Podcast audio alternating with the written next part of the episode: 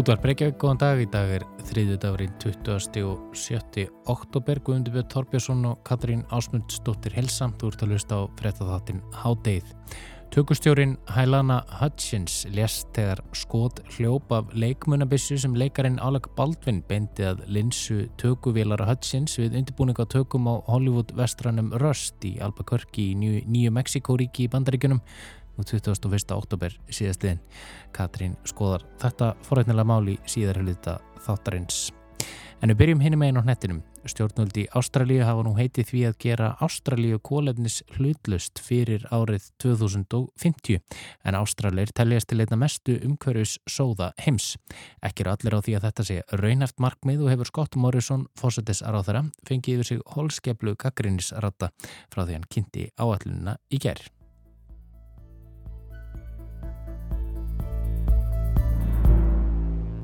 Loftslagsráðstefna Saminuð þjóðana hefst í Glasgow í Skotlandi næstkomandi sunnudag og stendur til 12. november.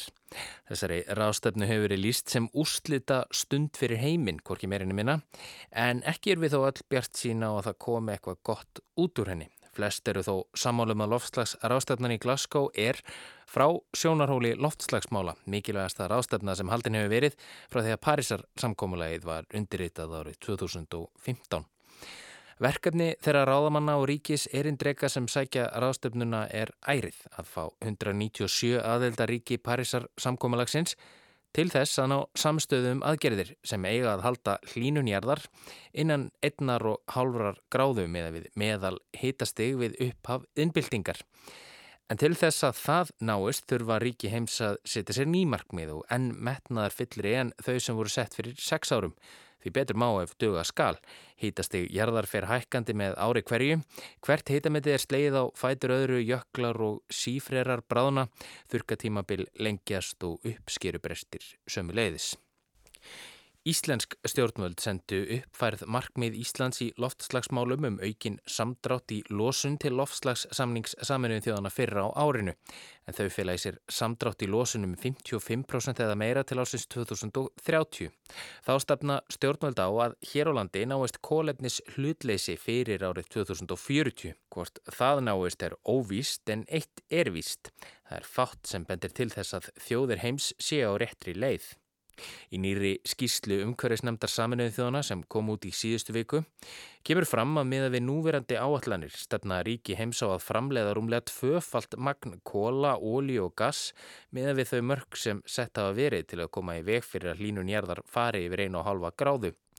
Niðurstöður skýslunar sína að þjóður heims áallega framleiða 240% meira af kólum, 57% meira af ólíu og 71% meira af gasi fram til ásins 2030 en markmið Parísarsamkómalagsins gera ráð fyrir.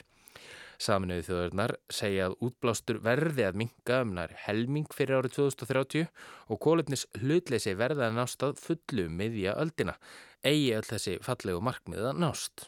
Og nú í aðdraðanda lofslags rástefnunar í Glasgow fyrir hver að vera síðastur til að kynna sín nýju og metnaðarfullu markmið. Fáhafa vakið efmikil viðbröð og ný loftslags áallun Ástrala en í gæri kynntu ástralsk stjórnvöld uppfærið loftslagsmarkmið þar Scott Morrison, fósettisar á þeirra, greindi frá áallunum ríkistjórnarinnar um að ná kólefnis hlutleysi fyrir árið 2050. Þetta hljóma kannski ekkit sérstaklega metnaðarfullt. Íslensk stjórnvöld stefna sem fyrr segir að ná þessu fyrir árið 2040. En hafa byrju hugað að Ástralir eru einir mestu umhverjus sóðar heims og losum þeirra á hvern íbúa er meðal þessum hæst er í heiminum og hefur Ástralja þótt reka lestina meðal þróara ríkja í þessari veigamiklu baráttu undanfæri nár. Þá eru Ástralir einn helsti útflýtjandi jarðefna eldsneitis í heiminum. And our plan to reach what will be our new official target Okkar markmið er að ná kólefnis hlutleysi fyrir árið 2050, sagði Morrison á Bladamannafundi í gerð. Í okkar áallun fælst jafnvægi og í henni er útlistuð einstök áströlsk leið sem tekur tillit til þeirra áskorana sem við stöndum nú framifyrir.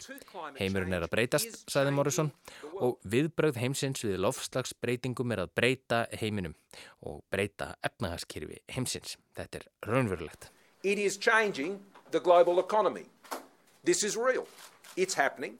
Já, Og það er einmitt efnahagurinn sem Morrison er með í huga í þessum nýju markmiðum Ástrala, ástralska leiðin eins og stjórnvöld kalla hana, er að hans sögn praktísk leið innan gæsalappa til þess að ná kólefnis hlutleysi fyrir árið 2050 og í þessari leið félast tækifæri. Fjárfestingar í hrytni orku, orku búskap og frekar uppbyggingu og innviðum sólarorku vera. En þessi lofurð þykja loðin mjög og í áströlsku leiðinni segir að nær þriðjungur þess sem á að stuðlað minni losun fylist í hinum og þessum tækniníjungum, alþjóðlegum stefnum og hinum og þessum ívilunum. Þá muni 20% af því sem stuðlamunni að minni losum felast í einhvers konar mótvæs aðgerðum sem ekki eru útskýrar. Ástrálska leiðin er nefnilega ansi illa útlistuð veriðist vera. Stjórnvöld hafa neita því að útskýra hvernig nákvæmlega þessi leið er uppbyggð og hefur haldið spilunum þétt að sér sem hefur vakið upp grunnsendir meðal annars úr röðum stjórnarandstöðunar. Ríkistjórn Ástralíu samanstendur af bandalagi hægri miðjuflokkana frjálslindaflokksins og þjóðarflokksins. Morrison kemur úr röðum frjálslindra en Anthony Albanese, leðtögi stjórnaranstöðunar og fingmaður verkamannaflokksins, hefur kallað ástralsku leiðina Svika plagg sem skorti efnislegt innihald og gaggrindi hann fórsetis ráður hann harðlega fyrir að greina ekki smáadriðum hvernig þetta allt saman eigi eftir að ganga upp. From the Prime Minister's press conference. We haven't seen the modelling and we haven't heard the detail. Við höfum ekki fengið neinar upplýsingar um hvernig þessi áallun er uppbyggð og höfum ekki séð nein smáadriði, sagði Albanese, vegna þess að það er ekkert plan. Og það sem fórsetisráður hann hafi þó sagt, feili ekkert nýtt í sér. Það að nota orðið áallun fyrir ekki í sér að einhver áallun sé gerð, eða hún sé raunhaf. Sama hversu oft fósittisráðurann noti þetta orð. By their own words, there is nothing new in this plan. To quote their document, the plan is based on our existing policies. Well, what has all the fuss been about? The word plan doesn't constitute a plan no matter how often you say it and what font it's printed in. Þetta sé, eins og alltaf í tilfelli Scott Morrison, segir Anthony Albanese, markas brella sem eigi að slá ríki í augu almennings. As always with this Prime Minister, it is all about marketing. All about the spin, never about the substance. Og undir gaggrinni stjórnaranstöðunar taka hennir ímsu sérfræðingar, meðal annars Joe Fontaine, umhverfisfræðingur hjá Murdoch Háskóla, sem saði að ástralska leiðin svo kallaða heldi álíka vel og blöytur papírspóki. Þá hefur hugveita loftslagsráðs Ástralju sagt allt í kringum framsetningu stjórnvalda á þessari metnarfullu loftslags áallun verið farsakent. Í ofonalag verðist allt benda til þess að Scott Morrison sé nú að reyna að bjarga andleitinu áður en loftslagsráðstefnan hefst í Glasgow á sunnudag. Ástralir eru ansi seinir í partíð eins og Salima Khalil, fréttakona breska ríkisútarpsins BBC í Ástralíu bendir á. Tilkynningin um uppfærið lofslagsmark með Ástralíu komið þess nokkrum dögum fyrir ráðstöfnuna, mörgum mánuðum og eftir flestum ríkjum sem vilja láta taka sig alvarlega í baráttinu við loftslagsbreytingar. Morrison hafi algjörlega mistekist á bladamannafundi sínum í gæri að útskýra á raunhafanhátt hvernig óskubónum Ástralja, sem er leiðandi í útflutningi á jarðarna eldsneiti, ætli sér að ná þessum markmiðum. Hvernig ætla stjórnvöld til dæmis að draga úr kólavinnslu? og hvernig eiga tækni framfæriðnar sem Morrison talar um að spila þar inn í. Tökustjórin Hælana Hutchins lést og leikstjórin Joel Sousa særðist alvarlega þegar skot hljóp af leikmunabissu sem leikarin Alec Baldwin beindi að linsu tökuvélar Hutchins við undirbúning á tökum á Hollywood-vestranum Rust í Albuquerque í bandaríkjunum nú 21. oktober síðastliðin. Sérfræðingar innan kvikmyndagerans eru slegnir yfir atvikinu og segja hreinlega ótrúlegt að svona slís geti gerst í ljósi þeirra ströngu regluna sem gilda um meðferð skotuopna við kvikmyndagerð. En einmitt, hvað fór úrskeiðis hvernig að þetta gerst? Katrín, teku nú við. Fire and EMS, what's the location of emergency? No, uh, Bonanza Creek Ranch has had two people accidentally shot on a movie set by a prop gun We need help immediately. Okay. Bonanza Creek Ranch. Come on. Stay on the phone with me. We're going to get some help, okay? Svona hljómaði símtal starfsmanns á tökustað Hollywood kvikmyndarinnar Röst í borginni Albuquerque í Nýja Mexikoríki í Bandaríkjunum þegar hann hafði samband við neyðalínuna síðastliðin 50 dag. Þar tilkynnti hún skiptibórstarfsmanninum að skotur leikmunabissu hefði hæft tvo úr tökuliði kvikmyndarinnar fyrir slisni. Hjálp þyrst að berast samstundis. En því miður var það þegar of seint í tilviki tökustjórans Helenu Hutchins. Hún var úrskurðu látin á Háskólasjúkrahúsi Nýju Mexiko skömmu síðar. Leikstjóri kvikmyndarinnar Joel Sousa særðist lífshættulega og var fluttur á bráðadild þar sem hann svo náði sér að fullu. En hvað gerðist eiginlega? Jú, við undibúning fyrir tökur var stjarnar þessa Hollywood vestra leikarin Alec Baldwin að æfa sig að beina leikmunabissu að linsu tökuvélar. Á meðan reyndu tökustjórin og leikstjórin að finna út hvaða sjónarhótt hendaði best fyrir sjálfa tökuna þegar allt í einu skot hljóp af sem hæfði tökustjóran og leikstjóran sem stóð við hliðina á henni. Og þar með hafði Alec Baldwin fyrir slistni bæði tekið líf og sært og það á miðjum vinnudegi á tökusetti með leikmunna vopni í höndum. En hvernig getur það gest og hvernig getur það gest á kvikmyndatökusetti þar sem bissur eru leikmunir, slagsmál eru sviðsett og þeim leikstýrt og tækni brellum svo beitt til að láta sem ótrúlegustu hlutir hafi átt sér stað. Það sem einhvern veginn allt er gerfi og ekkert er raunverulegt eða er ekki leikurinn gerður þannig. En þetta atvik varðvist ekki bara sí svona og ásérfist ákveðin aðdraganda gerðist í stærra samhengi og ásérjapvel en lengri forsögu. Á síðustu dögum hefur nefnilega komið ímislegt í ljós sem bendir til þess að ekki hafi allt verið með feldu á tökustánum og fréttir hafa borist af báum vinnu aðstæðum, jafnvel svo að farið hafi verið á svig við reglur en fjöldi starfsmanna, þar á meðal Helena Hutchins, hafi krafist betra starfsumhverfis og öryggis á tökustað. Þá hafði minst sex starfsmenn úr tökuliðinu yfirgefið tökustadin í mótmælaskinni skömmu fyrir atvikið af ýmsum ástæðum en þeir hafði ekki fengið greitt á réttum tíma og þótti þar að ekki öryggi á tökustad verulega ábúta vant. Vinnustundir voru á langar, aðstæður á setti óviðunandi, sótvarnareglum ekki framfyllt nýja vopnauriki viðhaft. En aðeins tæpri viku fyrir atvikið höfðu tvö skot hlaupið úr leikmunabissu á sama tökusta þegar bissan átti mitt ekki að vera hlaðin. En sem betur fyrr urða ekki slís á fólki í það skiptið. Þá hefur aðstóðarleikstjóri Röst Dave Halls áður verið sagaður um að gæti ekki að öryggi á tökustað. Árið 2019 kvörtuðu starfsmenn tveggja kvikmyndaverkefnu undan framkomu hans og sögðu Halls hafa farið á svig við öryggisreglur svo sem við meðhöndlun skotvopna á tökustað. Hann var svo umsvifa laustlátin hættastörfum við kvikmyndina Freedom's Path árið 2019 eftir að starfsmæður særðist lítilega þegar hann varð fyrir bissukúlu úr leikmunabissu að sögn AFP fréttastofunar. Og það var einmitt hann, Dave Halls aðstofaleikstjóri sem afhendi Boldvin Bissuna sem endaði líf Hutchins og fullvisaðan um að hún væri óhlaðin og yfirfarin. En annað kom þó á daginn og það með þessum hræðilegu afleðingum. Bissan reyndist hlaðin einni kúlu þrátt fyrir orð halsum annað. Réttarskjöl í málinu sína þó að honum var ókunnugt um það. Láregla rannsaka nú hvernig slikt getur gerst og það við þessar aðstöður, hvernig leikmunabissa sem á að vera köld eins og það kallast, reynist vera hlaðin. Því það gildar einar mjög strángar öryggisreglur um meðferð og nótkun skotvapna við kveikmyndagerð, einmitt til að reyna að tryggja að svona slis verði ekki. Til dæmis má engin hlaða skotvapna og tökustaðnema leikmunavörður, vopna sérfræðingur eða reynd starfsfólk eftir leipenningum þeirra.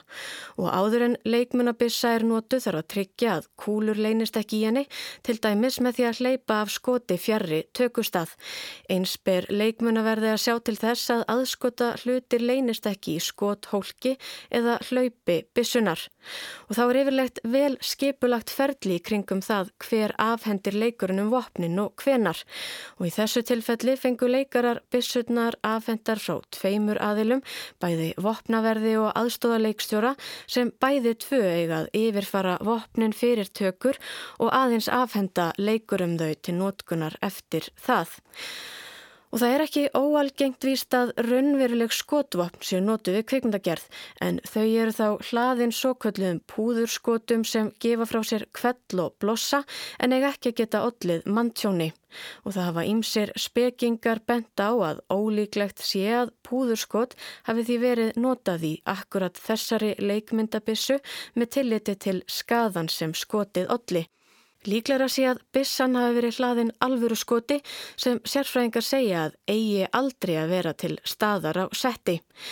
Skotvapna sérfræðingurinn Diggory Hadoki er einn af þeim. Any firearm, regardless of when it was made, on a film set should not have live ammunition anywhere near it. There shouldn't be any live ammunition on the film set. I see no reason to have working firearms and live ammunition in the same environment because that's how accidents can happen. Og þessum vangaveltum hefur svo fyllt orðrómur um að starfslið kvikmyndarinnar hafi hugsanlega farið óvarlega með vopn á tökustad, jafnvel notað hlaðnar leikmunabissur við skotæfingar þennan 50 dags morgun. Það eru því ímis teikn á lofti um að hugsanlega hafi verið farið á svig við reglur við gerðu vestrans og margir innan yðnaðarinn sem velta því fyrir sér segja atvikið jafnvel hafa komið sér hreinlega á óvart því að svona eigi bara alls ekki að geta gerst.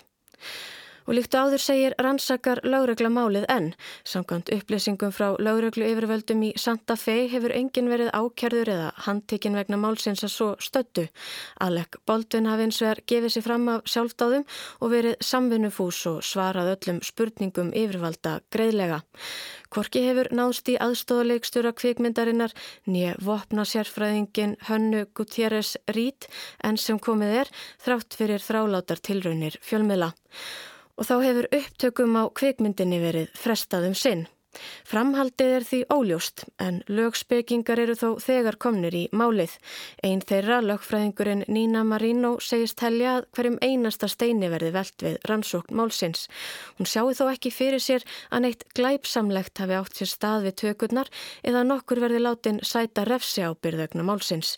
Líklega sé að þarna hafi umfangsmikil vanræksla og kæruleysi leiðið að baki þessari hörmulegu atbyrðarás. Gáleysi fremur en ásetningur. There will be multiple investigations going on. There'll be law enforcement investigations. There'll be privately retained investigations going on. This case just screams negligence. Uh, I don't see any criminal liability. I see this, this whole situation as being an exceedingly unfortunate series of events that obviously ended very tragically.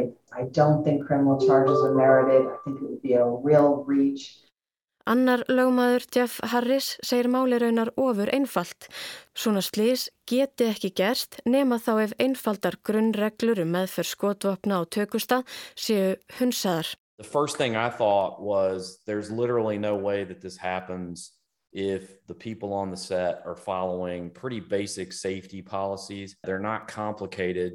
You know, they've been around for years. And it struck me as, you know, there you don't you don't have this happen if basic safety policies are being followed. The end. Þá segir hann ótrúlegt að tökum hafa verið haldið áfram yfir höfuð í kjölfar þess að voðaskotin 2 urðu á tökustadaðins tæpri viku fyrir atviki sjálft.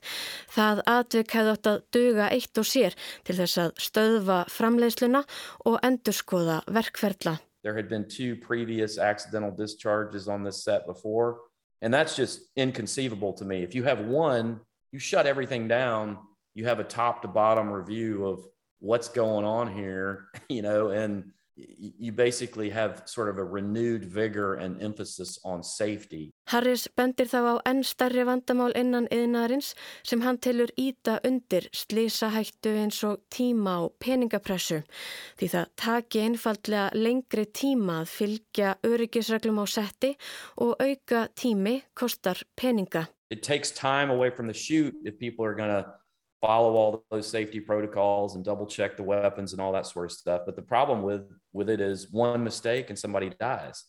So that's the reason why you got to follow those things every time, you know, every shoot, every day.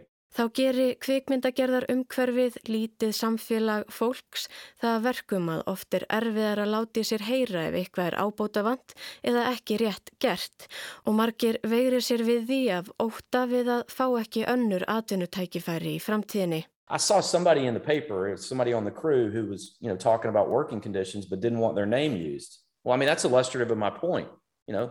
They're afraid that if they if their name is used then they don't get hired on some other production in the future and that's just not the kind of environment that we need to have.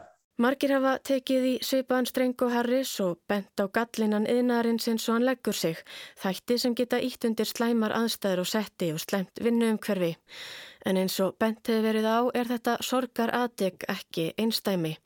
Harris sjálfur hefur til dæmis farið fyrir svipuðum álum þar sem döðsföll hafa orði við tökur á kvikmyndum eða sjónvastáttum svo sem í tilfelli áættuleikarans Johns Bernegger á tökum á The Walking Dead og Söru Jones úr tökuliði Midnight Rider. Þá hefur atvikið mynd marga á mál Brandons Lee, sonar Bruce Lee sem lést við tökur á kvikmyndinni The Crow árið 1993 þegar hleyft var af bissu sem áttu að vera púðurskot í en reyndist svo vera alveg alvöru skot. Einni ljast leikarin John Eric Hexum þegar hann byndi pissu með púðurskotum að gagnauga sínu við tökur á sjónvastættinum Cover-Up árið 1984. En eins og sömur hafa bent á er vonin svo að þetta hörmulega atvik sem nú er fjallað um í nánast hverjum fjölmiðli verði til þess að hlutirnir breytist til hins betra, að reglur verði hugsanlega hertar eða þeim betur fyllt eftir og að aðstæður á tökustaf verði bættar í framhaldinu, að allt kapp verði lagt í að komi í veg fyrir að svona íll skiljanleg slis geti endur tekið sig einu sinni enn. Háttegið verður ekki lengra í dag, við verum hér aftur á sama tíma á morgun. Þátturinn er einnig aðgengilegur í spilaranum og á hlaðvarpsveitum og þá er þetta að senda okkur post með ábendingum á netfangið háttegið hjá rúf.is. Verðið sæl.